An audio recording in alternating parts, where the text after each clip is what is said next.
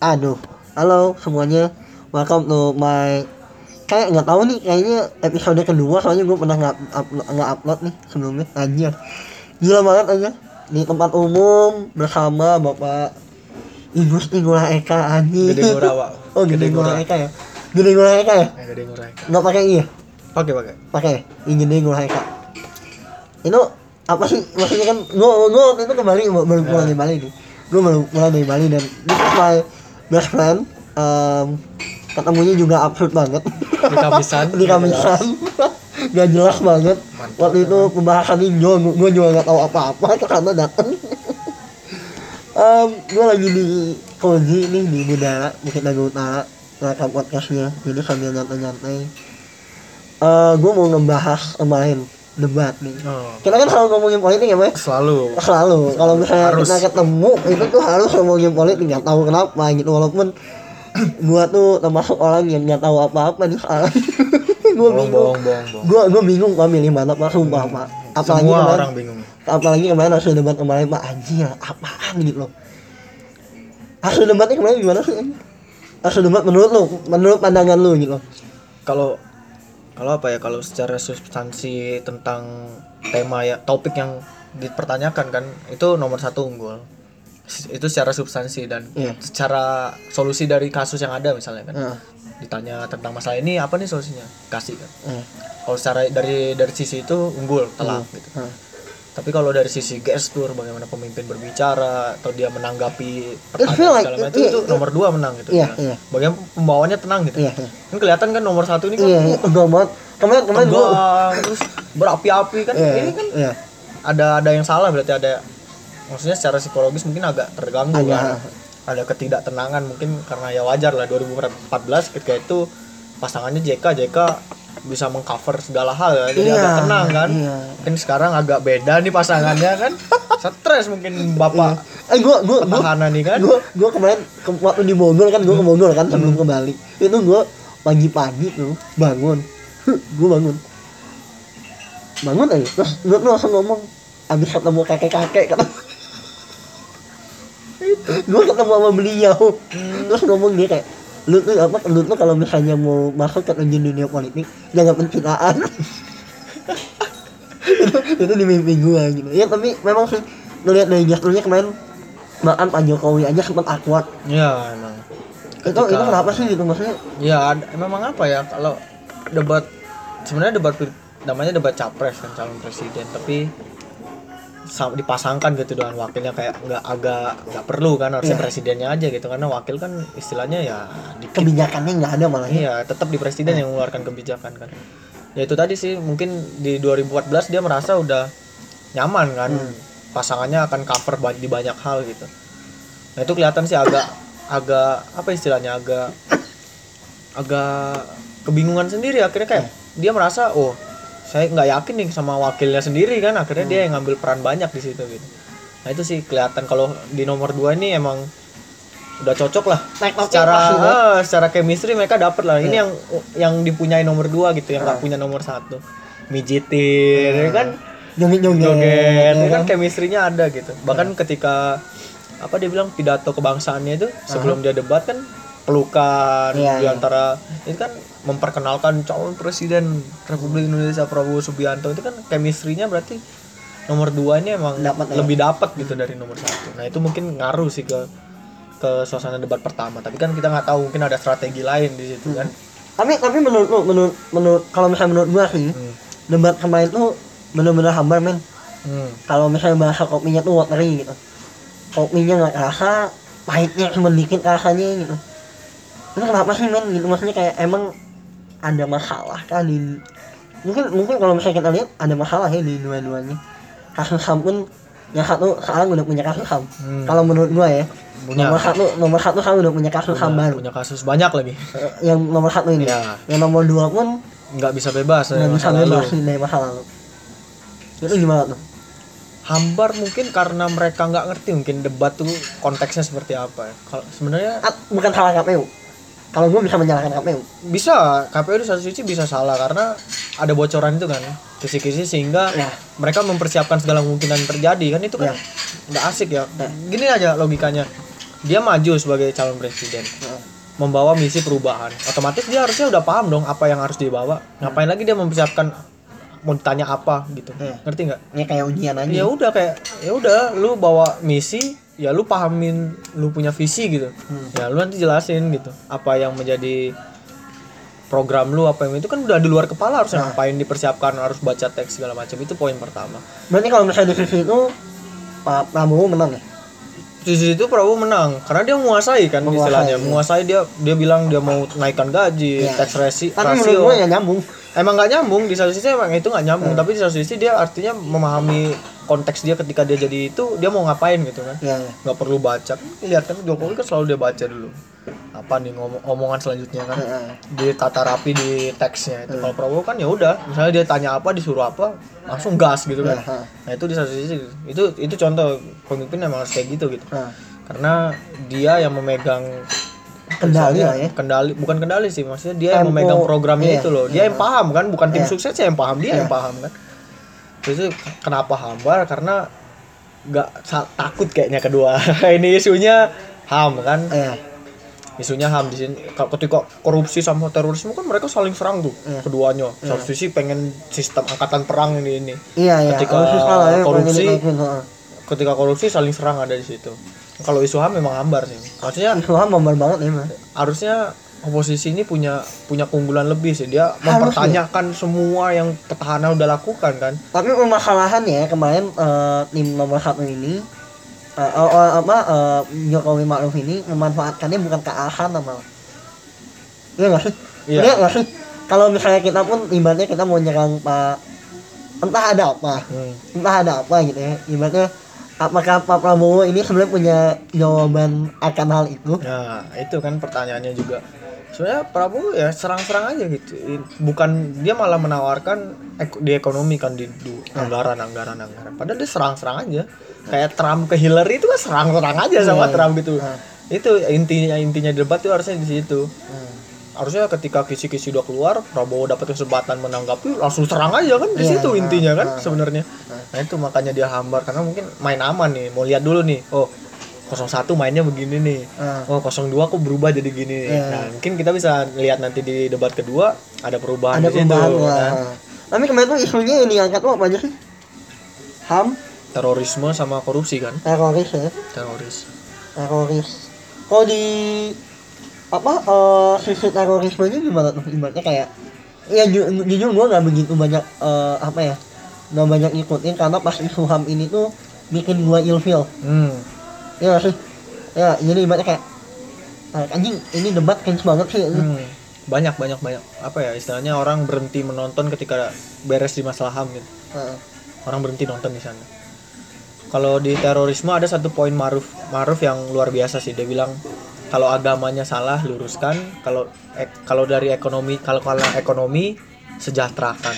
Hmm. Nah, itu poin bagus sih artinya ini lucunya di debat di Indonesia ketika debat tapi kedua paslon sepakat gitu ngerti gak?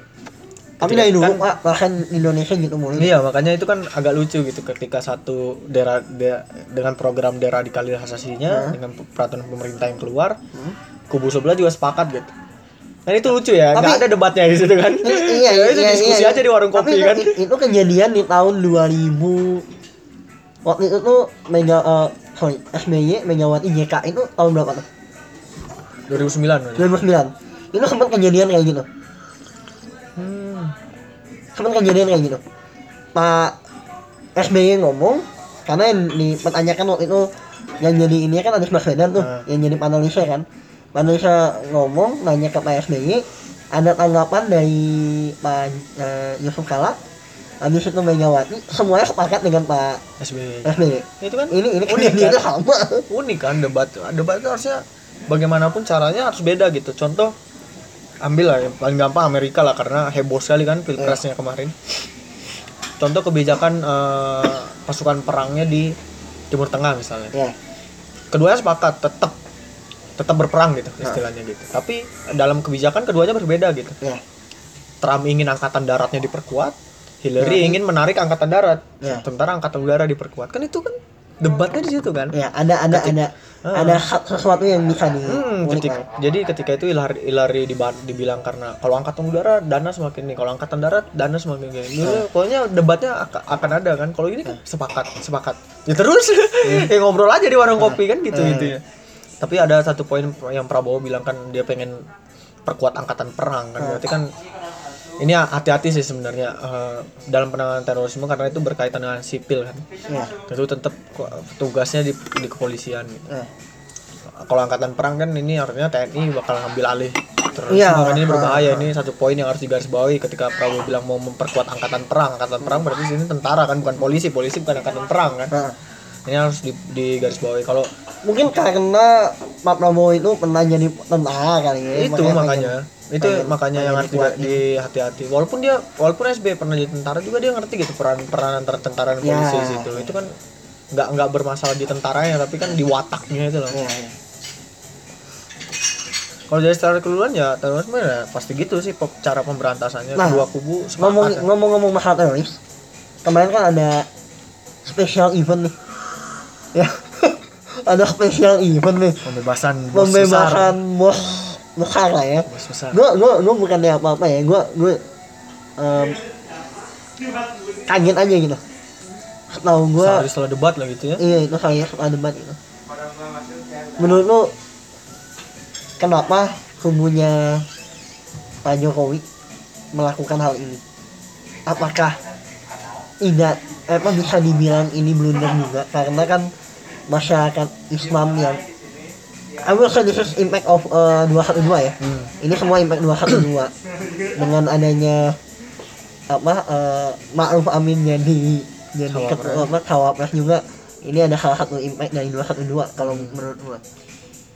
Yang lu rasain gitu maksudnya kayak anjing eh, kenapa Pak Jokowi ngelakuin hal yang sebenarnya nggak semua orang setuju bahkan orang-orang 212 pun banyak yang mempertanyakan. Iya. kalau misalnya eh, beliau ini dibebaskan. Hmm. Karena juga kan hampir sebagian besar di 2122 kan niatnya menjatuhkan Ahok kan bukan Jokowi. Itu Hmm. itu penting digarisbawahi sih kenapa. Kenapa tapi impact sekarang? tapi impactnya ke mana-mana? Ya impactnya ke mana-mana jelas. Hmm, kita apa ya aku kalau ngelihat gaya berpolitik Jokowi emang unik sih. Dia ngambil kalau dia ngambil kayak strategi perang dunia kedua Amerika Serikat ya. Apa istilahnya ya? Eh, lompat katak istilahnya. Lompat kata. jadi dia menguasai satu daerah musuh tuh. Iya. kalau udah kayak gini kan kubu Prabowo nggak berkutik tuh. Iya, tapi tapi gini ya, tapi gini. Bukankah kalau misalnya melakukan hal itu bisa menurunkan elektabilitas? Oh iya jelas di kalangan di kalang di am- di Bali itu udah ham, ya, am- dia kalau bebas aja itu harus waspada ya PDI. Iya. Jokowi harus waspada di Bali. Or, angka golput bisa tinggi di sana. Itu itu waspada karena apa ya bukan masalah kemanusiaan sih ini orang pasti ngelihatnya ini deal-dealan politik kan. Iya. Jelas lah Yusril di sana kan. Oh iya iya. Iya. BBB masuk koalisi Jokowi itu kan juga satu keheranan gitu kan. Iya. dia pengacaranya HTI Jokowi ngebubarin HTI dia masuk di koalisinya Jokowi kan lucu kan Iya. iya. itu emang apa ya aku belum bisa nangkap sih jauh ini karena baru 3-4 hari bahkan tadi pagi kan Wiranto bikin konferensi pers yang belum ada pembahasan lebih lanjut masih ditahan kan pembebasannya ada pembahasan lebih lanjut karena ada persyaratan salah satunya yang dia nggak mau Tanda tangan. sumpah setia Iya, sumpah setia Pancasila dan NKRI itu. ini menyakiti sebenarnya bagi korban terutama korban Iya, kita iya. ngambil korban kan Kan gue juga ngelihat apa ngelihat monumennya aja ya walaupun sekarang udah ke kelap kelip gitu ya. Iya. Karena di tempat lain Iya. kelap semua kan. Tapi gue masih gue ngebaca Hmm, banyak korban, korban, gitu. iya. Bahkan ada yang namanya itu Muhammad siapa Nah. gitu. Jerman itu itu gue juga langsung merinding sumpah. Anjing merinding benar gue. Emang. gue gue gue nggak sedih aja gitu. Kenapa kenapa kok eh, ini ini bukan apa apa ya. Gue bukan menggiring opini tapi apa sih yang diuntungkan dari membebaskan? Bos besar. Apa gitu pasti ada hitung-hitungan politik di sana pasti. Pasti.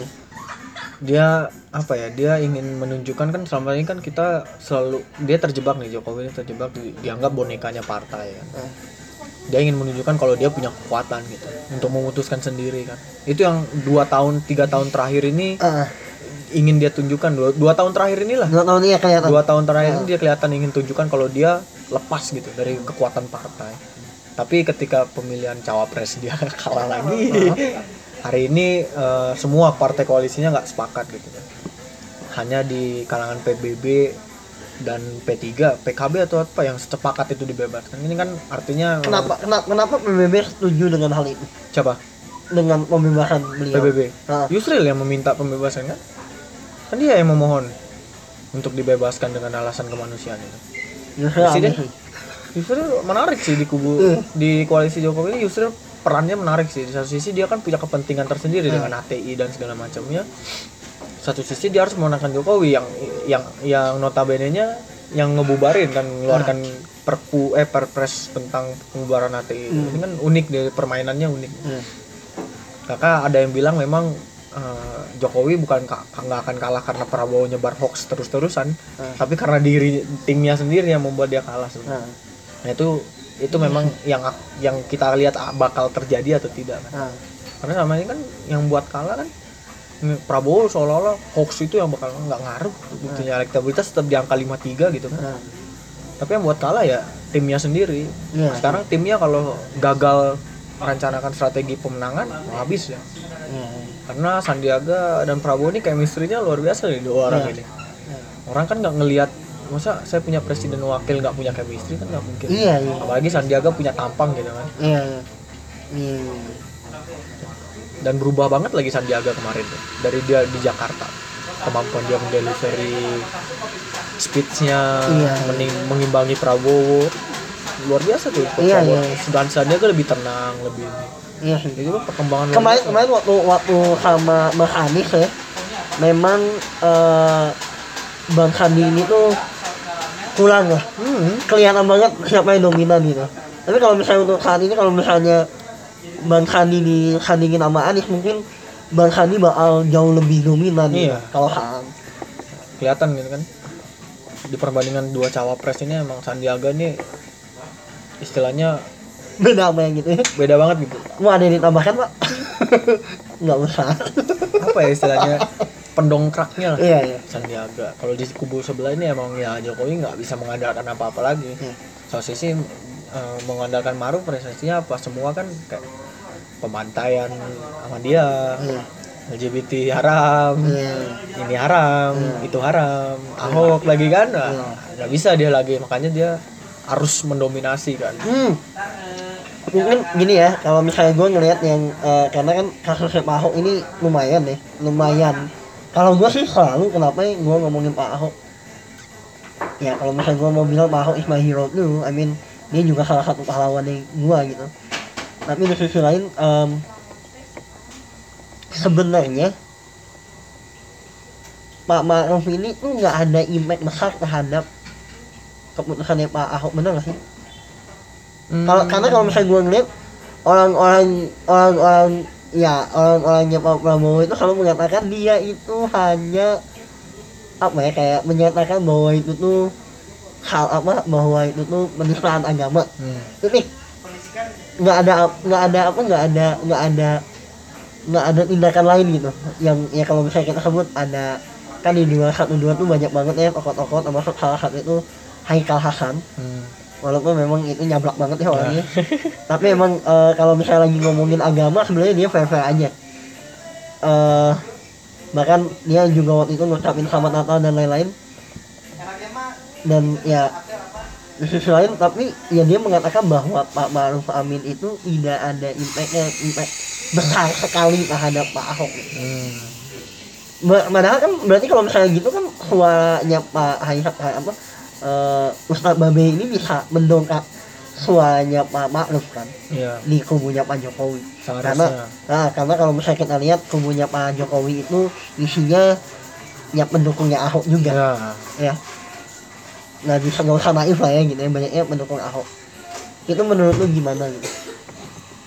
apa ya tetap walaupun orang ya ini kan strategi politik kan dulu kan mereka butuh MUI, MUI untuk mengeluarkan fatwa kan oh iya aduh btw ini opini kita ya bukan Iya, ini bukan opini. Hmm. oh ini opini jangan jangan oh anjir oh eh, jangan ini opini kita mengeluarkan fatwa akhirnya kan pergerakannya juga GNPF itu gerakan nasional apa gerakan gerakan nasional pengawal, pembela. pengawal fatwa MUI oh iya GNPF MUI itu emang bentukan Maruf Amin enggak. Ya kan MUI kan dia ketuanya kan Oh, yang iya. mengeluarkan fatwa. Akhirnya orang mengawal per- pergerakan itu.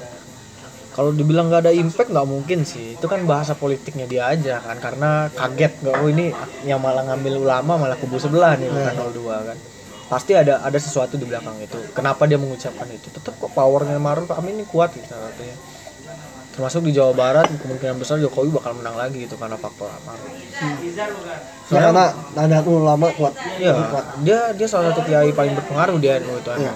Nah itu sebenarnya mau masalah jujur ya Ahok Ahok tuh dalam dalam perspektifku juga bersalah sebenarnya. Dalam Iya. perspektifku bersalah. bersalah tapi menurut gua nggak gua nggak setuju kalau misalnya dia harus di penjara Oh iya, nggak penjara nggak nggak deh. Kayak kalau kalau di demo kayak gitu nggak juga sih. Iya. Karena dia bersalah jelas bersalah. Ya orang biar inget aja dulu ada pernah ada gubernur yang menghina agama gitu Iya, aja iya, kan iya, intinya gitu kan gitu aja. Tapi kan eh, nah, kembali lagi kebutuhan politik di Indonesia kan butuh aksi Iya. massa. Dan aksi massa kemarin itu kan ini sih yang sebenarnya orang nggak tahu. Kan misalnya kita anggaplah yang pengen dibilang kan 2 juta, 7 juta. Ya, 5 jutanya kan orang luar, bukan orang Jakarta. Iya. Kan itu yang orang nggak tahu sebenarnya. Akhirnya terpengaruh kan dalam dalam paradigma yang wah 7 juta orang Jakarta nih yang demo. Padahal kan enggak juga. 5 juta dari luar mungkin 2 juta dari Jakarta dari pesisir pesisir Jakarta. Ini yang orang nggak tahu. Akhirnya terpengaruh ya. Sekarang nikmatilah apa yang ada kan Maruf Maruf masih masih powerful kok. Dia dia benar-benar menjaga membenteng Jokowi untuk hal agama itu udah nggak bisa lagi serang sebenarnya. Iya. Iya itu yang, yang ibaratnya kena keamanannya di Jokowi udah udah aman sekarang masalah di situ. Sekarang agama. tinggal bagaimana. Bahkan bahkan gini ya yang yang ini is my opinion. Eh, gua ini apa gua berposisi netral di sini. Gua baru tahu faktanya di saat di tahun 2014 Eh, di saat Eh, eh, di saat gua tahu bahwa ternyata beliau ini tuh bukan pure muslim. Bukan nomor satu ya nomor dua nih ya oh udah lama taunya itu. Itu itu itu itu, itu gue baru ngeh aja baru ngeh. Oh, baru Oh, ngeh. oh iya iya gitu. Terus Ya, gue heran aja gitu sama orang-orang yang ya kalau misalnya ngomongin masalah agama eh yang Ya. protes-protes masalah agama gitu. Yang ngomongin gue nggak tahu sih apakah ini ada buzzer lain? Ya atau ibaratnya kan ya namanya politiknya karena memang pasti ada serangan lain gitu ya. Ibaratnya kayak em, si kubu A ini pura-pura jadi kubu B si Ya. kubu B pura-pura jadi kubu A. Pasti ada. Pasti ada. Pasti ada nggak mungkin enggak gitu. Karena memang gue pernah hadir di salah satu tim ses dan kejadiannya seperti itu. Ya. Kejadiannya seperti itu. Menurut lu kenapa pas debat kemarin karena kan eh Pak Jokowi ini selalu diserang masalah hal itu ya. Masalah isu apa isu itu gitu. Eh, atau enggak nggak tahu nanti ke depannya seperti apa. Kenapa kenapa nggak ada yang ngangkat isunya beliau ini yang sebenarnya diangkat untuk Pak Jokowi gitu? Ke kubu mas gimana maksudnya? Jadi jadi gini. Kan ini kubu kubunya Pak Jokowi ini diserang oleh kubunya Pak Prabowo bahwa Jokowi ini adalah katakan apa apa segala macam. Gua waktu itu ingat banget tuh. Eh, apa tuh ada namanya apa ada ada berita astagfirullahaladzim ini kan presiden kita. I'm Muslim but it's not like that. Itu itu ini bukan bukan Islam yang diajarkan ya.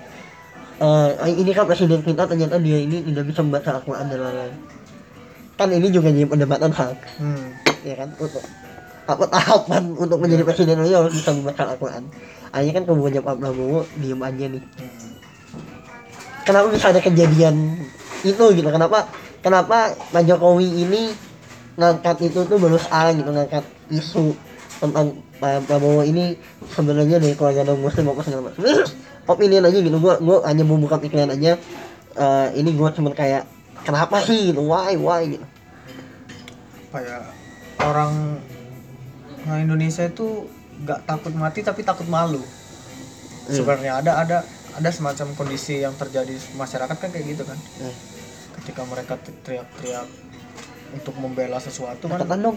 ketika dia teriak-teriak untuk membela sesuatu kan wah nggak takut mati gitu Iya. tapi ketika tahu yang dibela salah malunya kan Iya. di situ akhirnya mungkin kartu as juga sih salah satu kartu as itu kan bisa jadi kan ini just it's just opinion so don't take it seriously Iya, ini hanya opini kami. Ini tidak ada yang it's just like ah oke what, ini what ini ini mind blowing, ini Ya, mind blowing. ya memang kan itu kartu as sebenarnya Ya. kalau aku udah tahu lama Prabowo yang bukan dari keluarga muslim karena salah satu syarat untuk menikahi anaknya Soeharto kan dia harus muslim Iya. ya dia besar dari keluarga Katolik kok nggak nggak Iya. dia nah di, di sisi itulah kartu asnya dimainkan kan. Akhirnya sekarang udah nggak bisa lagi bergerak di sana. Walaupun apa ya, di internet tuh masih aja ada gitu yang Itu ini ini kelihatan sih buzzer buzzernya itu kelihatan Iya. gitu. Jadi kayak bego.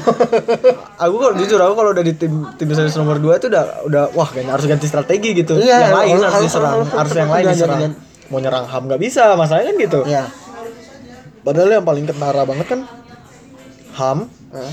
Sama manajemen manajemennya dia gitu. Ya. Satu sisi dia kan menterinya dia ke menterinya kan nggak punya kayak nggak punya power gitu kok menterinya bisa gelut Sa- sesama menteri nggak nggak apa istilahnya nggak satu Nggak suara akur, gitu ya iya, nggak akur kan akur. itu kan pasti ada masalah presiden kan yang milih Ini pembantunya ini kan ini presiden ya. iya Ya, ibaratnya berarti kan dua dua mereka ini kan sama aja. iya maksudnya Kalau misalnya kan waktu itu isunya Pak apa isu isunya timnya tim sukses Pak Prabowo itu isunya sama. Lu tau gak sih? Lu lihat apa kubunya nomor dua iya itu mereka nggak kompak. Tapi kan ini sini juga nggak Ah. kompak gitu loh. maksudku eh, di satu sisi emang apa ya istilahnya kalau gini aja gue serang lu masalah ini masalah masalah ini taunya gue juga gitu tapi belum terungkap kan Iya. ketika lu udah tahu lu serang itu juga gitu Iya. ya itu emang perma- apa ya istilahnya kalau di terus menerus tuh orang jadi ketagihan gitu Ah. dan karena kondisi masyarakat yang itu ya akhirnya nom- 01 terjebak di sana kan Iya. Ya, aku ngelihatnya gitu terjebak di sana gitu kan padahal satu sisi ya yang mau kita angkat kan sisi pluralisme dan nasionalisnya yang nomor satu kan Iya, iya. kenapa akhirnya banyak orang dukung nomor satu kan karena Iya. itu pertama Iya. Sekarang kok mereka terjebak di sana gitu ketika ada ini ulama Aceh mau ngetes ngaji kubu Prabowo takut. Kan itu diangkat kan isunya Iya, loh. Iya. dalam hatiku loh kemarin lu ngomongnya Kayak gitu. eh, jangan kayak gitulah kita mau mi- milih pemimpin bangsa loh. Sekarang kok dibalik. Iya. itulah krit- kritiknya Iya, Rocky Gerung yang paling keras kan gitu kan. Maksudnya kalau Jokowi tetap konsisten dengan apa yang dia bawa dari awal misalnya nggak mau bawa agama segala macam terus dia promosiin backcraft 4.0 nya itu kan Nah, mungkin berhenti kritik tuh gue gerung tuh kayaknya tuh. iya. tapi kan ada satu sisi yang mereka terjebak akhirnya di sana kan. Eh. sekarang gini deh contoh yang paling gampang. Eh, si kubu Prabowo kan pasti selalu bilang kan ketakutan oh ini presiden kita Cina nih. Antek-antek asing segala macam nanti Indonesia jadi Cina segala macam tenaga kerja itu kan ketakutan. Kubu eh apa Indonesia bubar salah satunya Iya, yang iya. paling paling Paling edan tuh. edan banget Paling edan tuh. terus mantap ya Mantap banget bang. kencang sekali Mas. Mas. Mbak. Mas. enggak udah mati Oh, udah mati. telepon kayaknya itu telepon.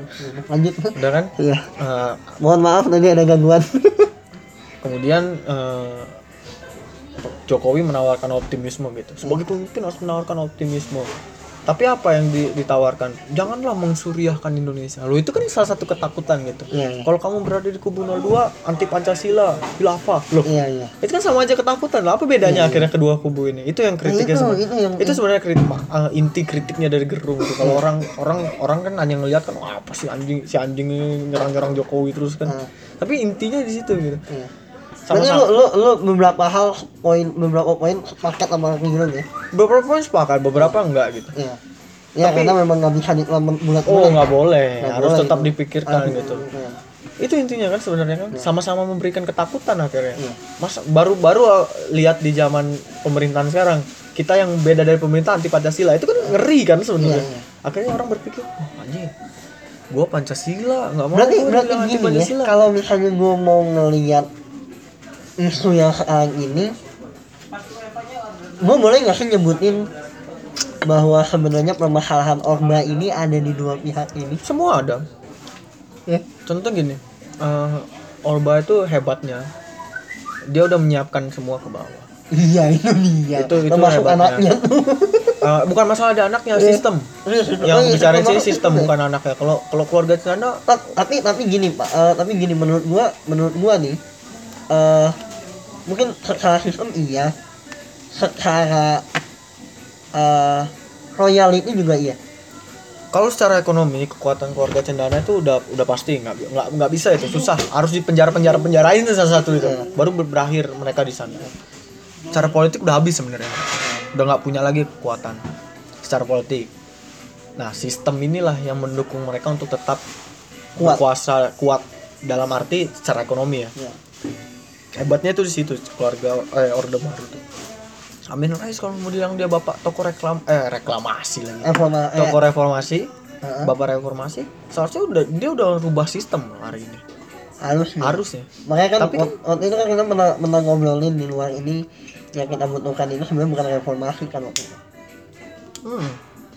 itu intinya kan Amin Rais kan juga terjebak di sana kan. Dia melihat situasi yang ada untuk melanggengkan kuasanya. Ya. itu, itu harus banyak sih yang benar-benar hari ini ya apa ya orang zaman berubah dan orang melihat sekarang tuntutan untuk individu masing-masingnya udah udah kuat lah. udah kuat banget itu dan itu yang membuat ya mahasiswa sekarang pecah kan. Iya. Satu sisi ada yang udahlah karir aja lah. Toh dengan karir kita bisa memajukan bangsa. Iya. Ada yang harus turun ke jalan. Ada yang berpikir berpikir diskusi nah itu yang membuat perbedaan itu tetap jomplang gitu. Iya sekarang oke Jokowi bilang pembangunan uh, merata kan. Hmm. sepakat pembangunan merata memang. Tapi secara kualitas manusia nggak merata tetap Jawa Iya, yang unggul. Ras Jawa tetap unggul di sana. Iya itu tetap. ha. mau dia kuliah ke Jawa tetap ras Jawa yang unggul. Iya. nggak bisa. Kelihatan kok ras Jawa. Iya. Ketika daerah lain sibuk ngomongin masalah ekonomi segala macam segala macam kita di Jawa mempersiapkan diri untuk jadi pemimpin biar kita bisa iya. aplikasikan teori yang Berarti- kita pernah dapat. berarti kalau misalnya gua mau ngomongin masalah apa ya eh, mungkin ini ini ini nyambung ke masalah pendidikan kali ya. Pendidikan nggak tahu nih, ini ada ada debat khusus atau enggak? Ada. Ada ya? Ada ya? nanti. Nanti gue pengen semua tahu nih. sektor ada kan lima kali kalau nggak salah lima debatnya kali. Nanti habis itu kita kita ngobrolin Ah. apa nanti apa isu-isu selanjutnya kita bahas. Nah eh, apa ini kita baru dua poin ini gila banget nih ngomonginnya. Oh ini ada satu dua ini udah ini kok ada masalah korupsi belum. Harus sih. Masalah korupsi nah, nah dulu ini masalah korupsi ini kalau misalnya menurut gua ada satu pautnya sama ham. Ya. Oh ya ada sangat ada ada banget sangkut pautnya sama ham. Permasalahannya adalah em, kemarin gua nggak ngeliat Pak Prabowo mengangkat isunya Novel Baswedan. Hmm. kenapa karena kalau misalnya menurut gua kalau menurut gua ya eh, kubunya Pak Jokowi sama saja tidak bisa membereskan isu ham terbesar di era apa di era setelah reformasi. Menurut gue ini isu ham terbesar. Kenapa? Karena eh, dia ini kan dalam tanda kutip hero ya. Hero hero untuk orang-orang bawah loh. Iya kan? One of the hero. One of the People's hero. hero. Ya kan? Salah satu hero yang yang ibaratnya bisa besar berpengaruh lah untuk orang-orang di bawah. Karena korupsi ini kerasa banget gitu. Apalagi dengan kasus-kasus ektp apa segala macam. Ya. Ya kan? Ini dampaknya langsung banget ya ya. Ini kan ada isu ini kenapa nggak diangkat gitu? Ya itu bilang tadi kan sopan santer apa ya? Aku baca berita sih kayak oh gimana? ada berita yang kedua kubu sepakat untuk menutupi hal eh, istilahnya sopan lah. Bahasa gampang terimanya sopan lah dalam debat. Nah, itu kan lucu kan? Ya. ya, justru dalam debat dua calon ya harus saling mempermalukan.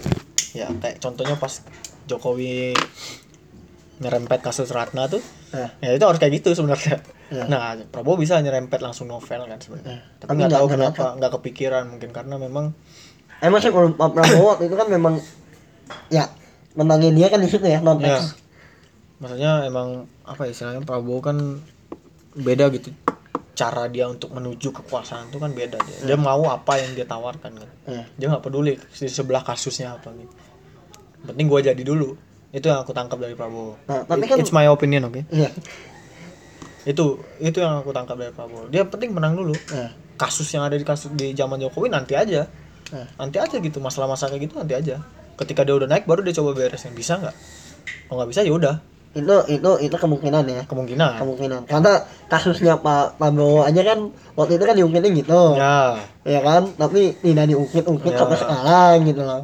Itu kan emang apa ya istilahnya nggak tahu lah ya di belakangnya ada apa.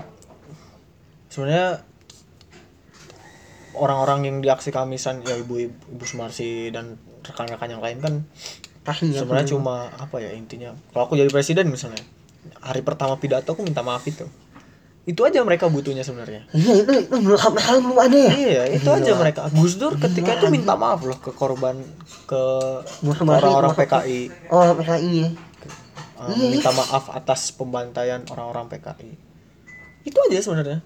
Orang butuh itu gitu. Cuma kan Bu Sumarsi cuma tuntutannya sekarang kan udah bergeser kan. Dulu tuntut keadilan. Ya sekarang Bu Sumarsi itu seperti menuntut udah kasih tau lah anak saya mati gitu. Minta maaf lah udah negara. Udah gitu ya, udah poinnya. gitu. aja. Termasuk berhenti anak- kasih kamisan tuh berhenti loh sumpah. Kamisan Iya. tuh pasti berhenti. Saya meminta maaf korban 98 nah, saya nggak saya nggak bisa saya nggak mampu saya siap dihujat siap dikritik siap di apa Eh, intinya saya berharap eh saya akan menjamin ke depannya nggak akan ada lagi hal seperti ini. Itu doang intinya sebenarnya. Udah mereka berhenti tuh. Percaya sama aku. Pasti berhenti kamisan. Karena mereka ya udah. Karena negara minta maaf mengakui kesalahannya apa Iya, apa iya, susahnya iya benar. Iya benar. Apa susahnya kan? Nah, masalahnya kan ya sorry gue bukan apa apa isu-isu yang lain tuh kayak ah udahlah daripada gak ada isu lagi mending kita ngangkat Iya. ini gitu. Iya, gue gue gak kayak gitu. kayak kemarin kita ngangkat isu petani di mana? Lah kayak oke. Oh, iya. Nggak ini semangatnya kamisan tuh nggak ini Nggak gitu. itu, iya. bukan ini Itu bukan kamisan. substansinya, Ah, gitu. ah, ini bukan substansi kamisan gitu. Ya tapi nggak apa-apa lah ya masuk ya masukin lah. Ham ham ham. Iya amin iya. Itu Iya, kan. itu sih itu. Intinya sih itu, karena ya walaupun dia bukan pelaku dan salah satu yang ter aktor di sana tetap aja dia kepala negara kan. Iya. dia dia harus menciptakan kondisi yang disebut politics of hope itu. Ah, terhadap politics of bad mom bad memorinya masyarakat nah itu yang harus dihapus politics bad memorinya itu. Ah. di politics of hope Hmm. di mana timbulnya di rezim baru. Nah, itu akhirnya ada di 2014 harapannya. Hmm. sampai hari ini nggak ada. Nggak ada oke. Apakah setelah 2019 ada harapan itu? Ya nggak tahu. Iya. ini ini ngomongin ini terakhir nih langsung oh yang terakhir ya? Siap. Ini masuk ma- masuk banget anjir. Masuk banget nih. Eh ini kan masuk ya kan tadi hope. Politik hope. Maksudnya harapan masyarakat. Hmm. Em, harapan masyarakat tuh lebih ke sebelah sih apa dari isu yang kemarin diangkat. Dari isu yang diangkat kemarin. Karena kalau misalnya gua melihat sih isu ham teroris dan korupsi ini isu ham itu dipegang oleh kalangan eh cendekia eh, termasuk salah satu cendekiawan lah orang-orang cendekiawan itu karena memang Munir ya kan terus apa segala macam korupsi ini untuk eh, untuk kalangan ke bawah kalau gua ngeliat gitu ya kalau korupsi ini buat eh, kalangan ke bawah dan teroris ini adalah permasalahan yang universal. Ya alias untuk semuanya karena kita takut lah. Gua aja bahkan eh, tak sempat takut untuk sholat Jumat di masjid karena penyerangan itu tidak hanya tidak hanya di gereja-gereja waktu itu. Bahkan ke masjid pun diserang gua takut men. Gua takut sumpah. Nah dari lu pribadi nih. Kan kita sama-sama kenal di aksi kamisan itu kan. Harapannya sebenarnya kemarin itu apa sih? Harapannya kemarin itu apa gitu? Yang pengen Kemarin. keluar dari mulut mereka berdua ini apa gitu? Dari Pak Jokowi dari Pak Prabowo dari Pak Ma'ruf Amin dari Bang Sandiaga Uno itu apa sih yang pengen dikeluarin gitu? Sebenarnya pengen gue pengen nih pemimpin ini tuh ngomongin ini loh apa ya eh, ham itu kan luas sebenarnya cangkupannya. Orang kan hanya mengerti hak asasi manusia. Hah. itu yang itu yang kita nggak dikasih pendidikan di sekolah-sekolah sebenarnya kan.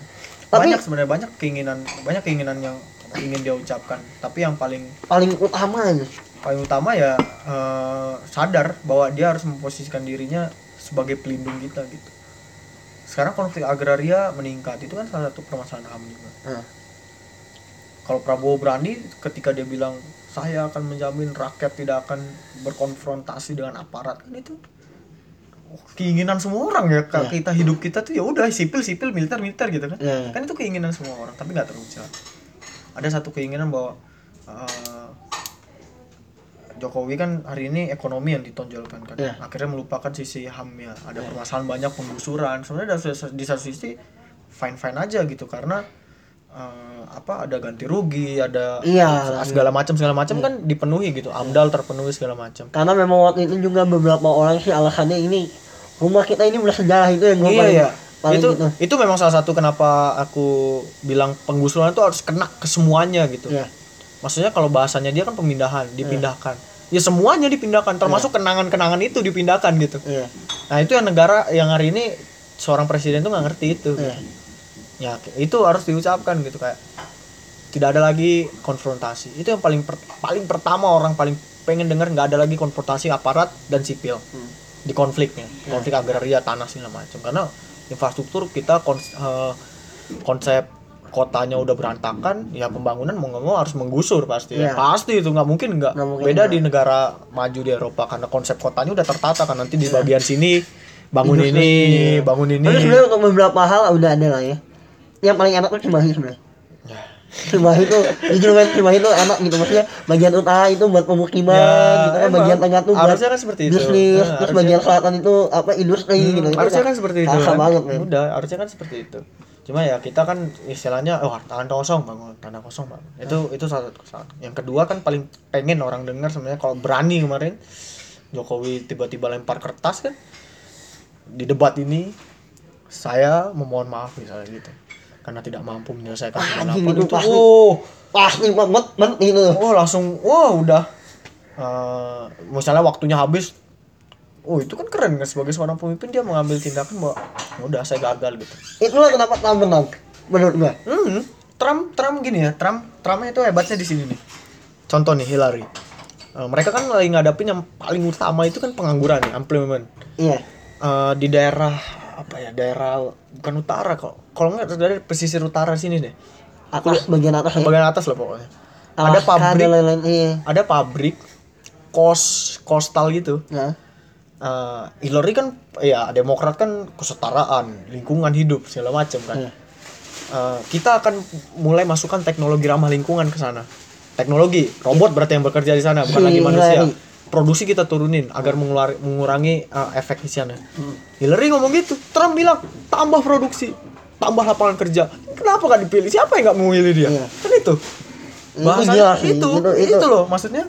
I- iya itu. Bahkan kalau misalnya Pak Prabowo bisa mengatakan bahwa saya meminta maaf.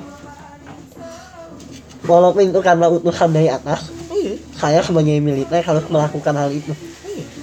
Bisa Udah anjing. Selesai gitu saya dan nah, gue yakin Pak Prabowo kalau bisa mengeluarkan bahasa seperti itu untuk kasus HAM sebelumnya naik tuh naik pasti. Naik tuh makanya aku bilang kan sekarang eh, sering sih aku ngirim-ngirim iseng ngirim surat gitu kan ke dua tim pemenangan itu. Pengen ketemu gitu.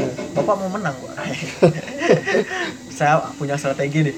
Iya. Pengen ini nggak pernah dibalas gue gue juga pengen ngomong itu sih gue juga itu pengen aja sebenarnya apa ya kalau di kalau dalam perspektif hukum tuh sebenarnya masalah 98 itu udah nggak bisa diangkat lagi pertama karena udah lewat kelamaan daluarsa Heeh. kedua karena memang bukti buktinya udah susah nyarinya ngumpulinnya Iya. yang paling bisa masih paling bisa itu Munir doang karena Munir. orangnya masih ada buktinya masih ada kan masih ada heeh. 98 tuh udah susah Heeh. nah itu makanya kenapa 65 orang bilang kan pembantaian 65 Nggak Udah- udah- udah emang ya, udah nggak worth it. sejarahnya saksinya siapa lagi gitu? udah udah nggak ada. Udah nggak ada kan makanya Gus Dur minta maaf gitu karena dia mikir kan tapi waktu itu udah pasti. Momen-momennya pas mau kadaluarsa dia ngomong iya dia minta maaf karena udah nggak bisa kan. Iya. nah itu aja sebenarnya orang apa ya orang ya udah gitu minta maaf dan menjaminkan nggak akan ada lagi gitu hal seperti itu itu. aja sih sebenarnya. Kayak Gus Kayak Marsi gitu Marsi udah kayak yang ya sekarang Gus Marsi ya tinggal ngitungin aja. Oh ayahnya si ini sekarang yang meninggal. Oh ibunya si ini sekarang yang meninggal. Atau mungkin besok saya. Atau mungkin besok saya yang meninggal kan? Selesai perjuangan berarti orang-orang. Siapa lagi? Saya yang menggerakkan anak-anak ini istilahnya kan? Iya. siapa lagi? Istrinya Munir. Ya saya Munir nggak menggerakkan. Iya beda karena beda konteks Nah, karena beda. Marsi yang menggerakkan aksi kamisan pertama kali kan?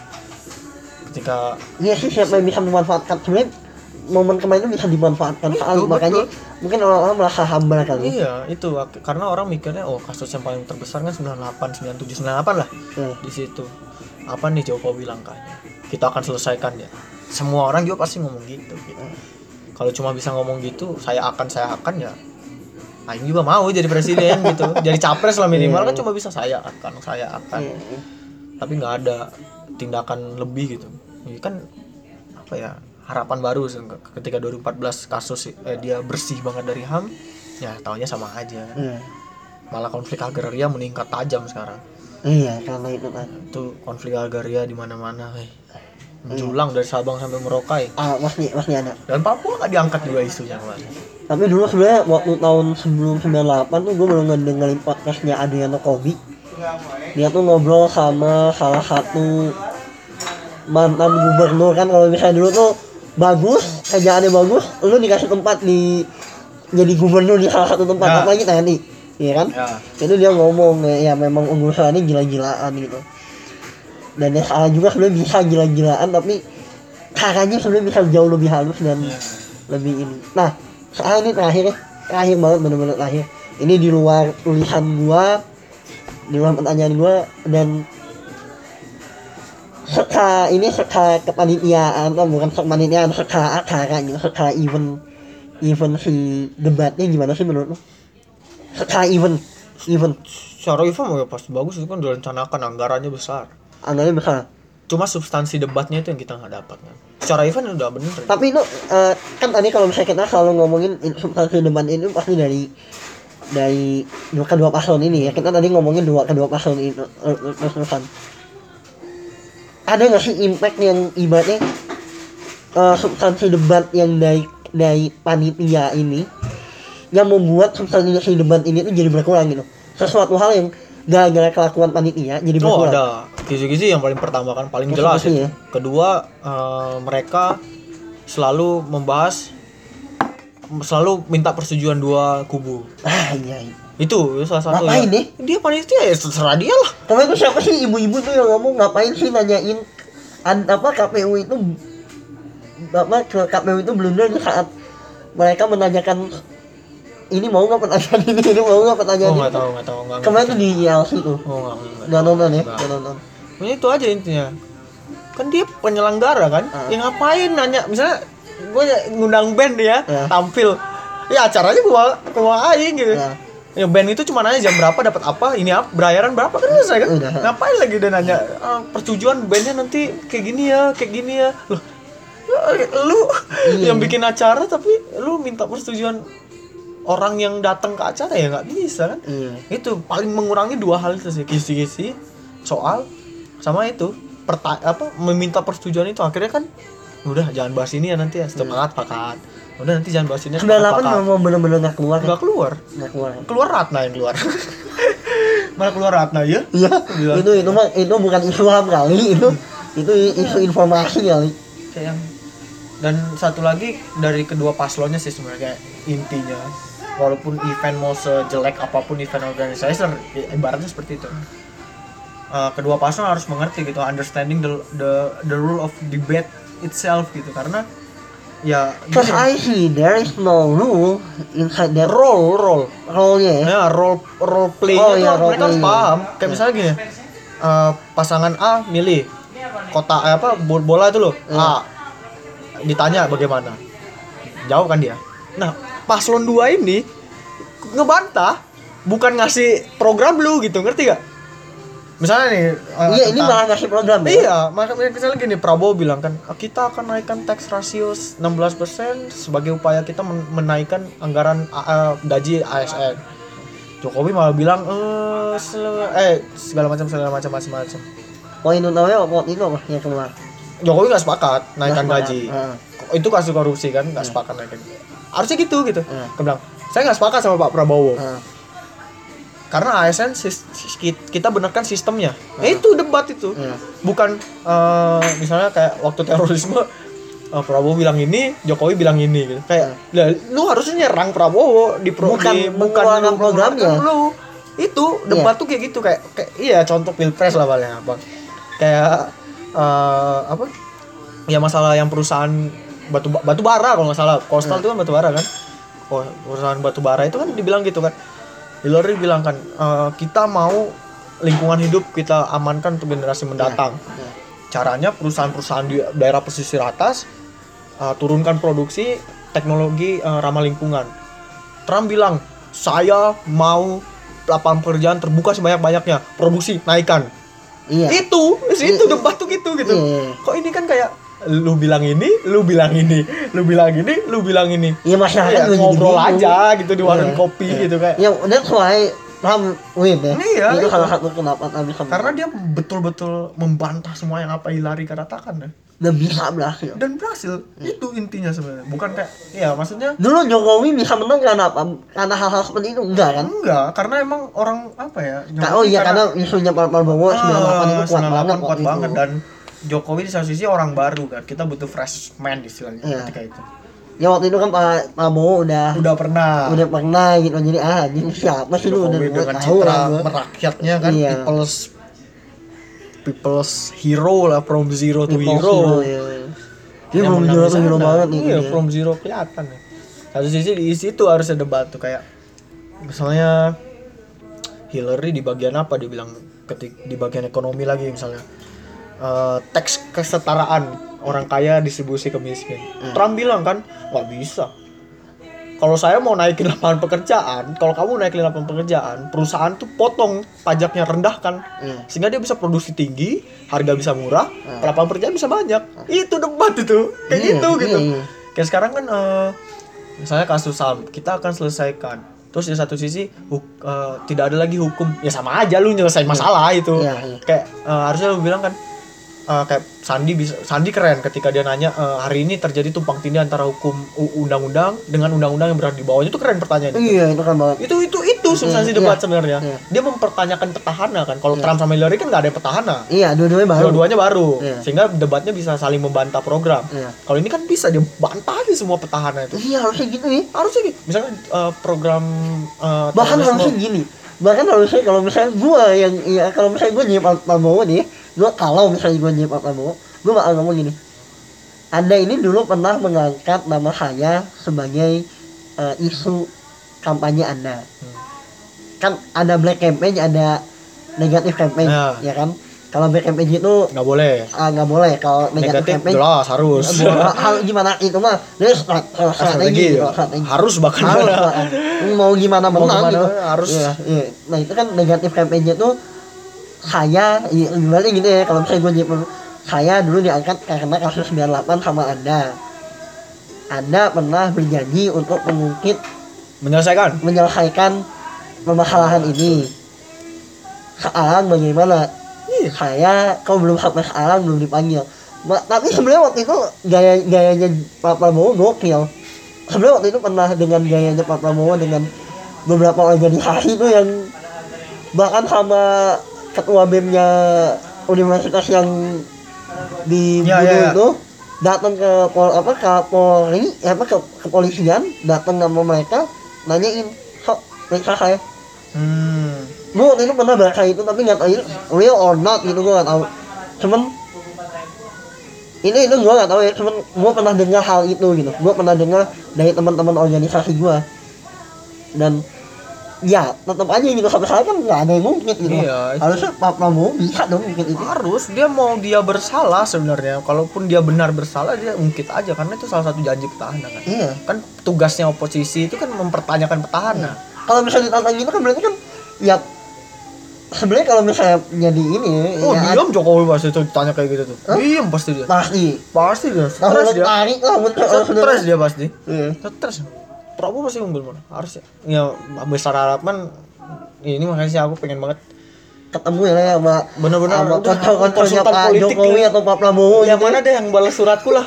Nulis surat aku habis malam ini kirim lagi ke sana. Bener atau enggak podcast ini aja kirim ke mereka. Pak. Kirim ya?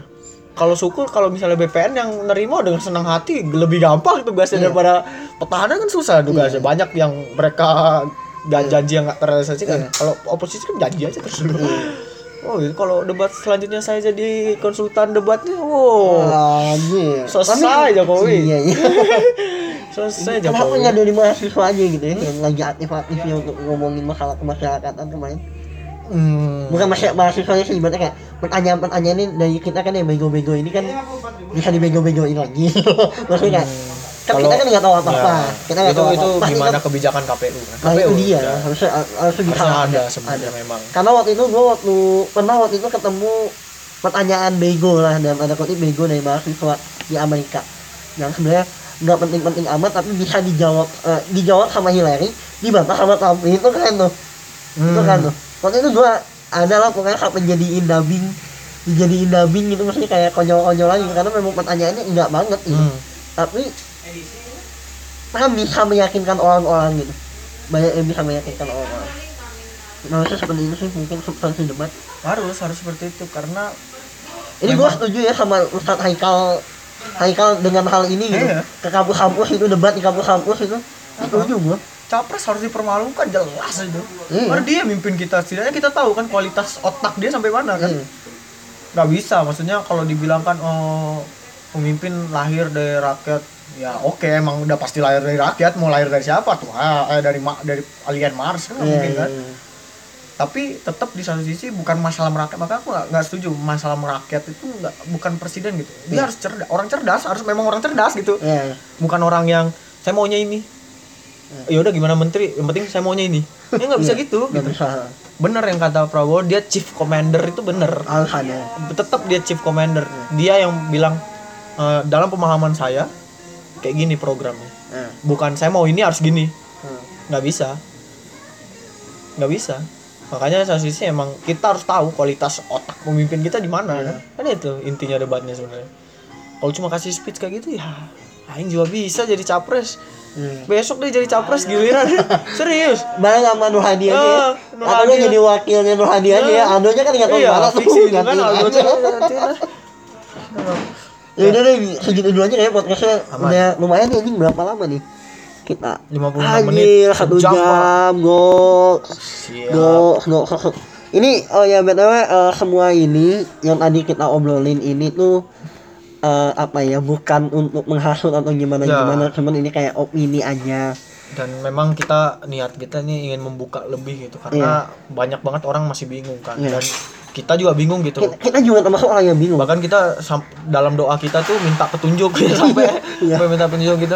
Uh, dan ini memang uh, based on what we believe Iya. and what we see gitu. Iya. Nggak nggak seba nggak terbatas pada because we love uh, a ki- kind of candidates or Iya, something iya. dan ini Kita- memang benar-benar kita mau pilih gitu yang benar-benar Walaupun- bisa ngebawa kita Ah, ke arah yang jauh dan walaupun baik. memang orang bilang kubu Prabowo kayak gini tapi Prabowo mampu meyakinkan kita dari sikap dan programnya kita bakal pilih Prabowo Iya. gitu kalau Jokowi tetap dengan kemampuan dan program yang ditawarkan tetap kita bakal iya. pilih Jokowi itu aja sih Iya. sebenarnya ya jadi memang this is benar-benar kita ini ini sebenarnya podcast saling bingung ya sebenarnya ngobrol-ngobrol warga ngobrol lokal tak tahu arah. Iya itulah. Kalau misalnya bahasa orang eh, Kristen itu domba-domba yang kehilangan eh, apa sih sebenarnya itu ada? Pengembalanya. Eh. Eh, iya kehilangan pengembalanya. Makanya kita ini orang-orang yang bingung gitu. Bingung. benar-benar bingung. Domba kita nggak tahu siapa. Hmm. kita lagi di mana apa segala macam. Dan ya tuh eh, maaf kalau misalnya memang ada kata-kata yang menyinggung atau gimana kita mohon maaf sekali karena memang this is our opinion this is our mind this is our what we talk about every day gitu. Karena selama ini tuh kita masih bingung. Sampai sekarang masih bingung aja gitu. Dan mungkin eh, terakhir sih mungkin mudah-mudahan ya setelah debat keempat kita bakal ketemu lah ya. kasih kasih semacam konklusi kenapa harus pilih, pilih Jokowi, kenapa harus pilih Prabowo Prabowo, dan eh, misalnya kan banyak pertanyaan siapa nih enaknya yang dipilih. Nah, kita bakal kasih kayak semacam comparisonnya aja ya kalau Compare. misalnya teman-teman nih maunya apa, Hmm. pilih yang ini. Kalau Ya. teman-teman maunya apa, pilih yang ini. ya Nah, mudah-mudahan ada sih ada setelah debat keempat lah minimal. Kemampuan Keempat karena atau iya. tiga lah. masing-masing orang punya kelebihan dan Ya kekurangannya pasti itu pasti. itu pasti Yaudah aja udah 58 satu jam pak Alhamdulillah gua Podcast gua bisa nge-podcast satu jam Gok Goks. Terima kasih semuanya untuk udah ngedengerin podcast gua Yang upload ini eh, untuk hari Kamis eh, malam malam Jumat ini Waduh malam Jumat biasanya ngomongin horor Kita ngomongin politik pak Oh, iya. Beda Hebatnya kita itu. Hebatnya Millennials. kita. Millennial goblok Oke thank you so much um, Bye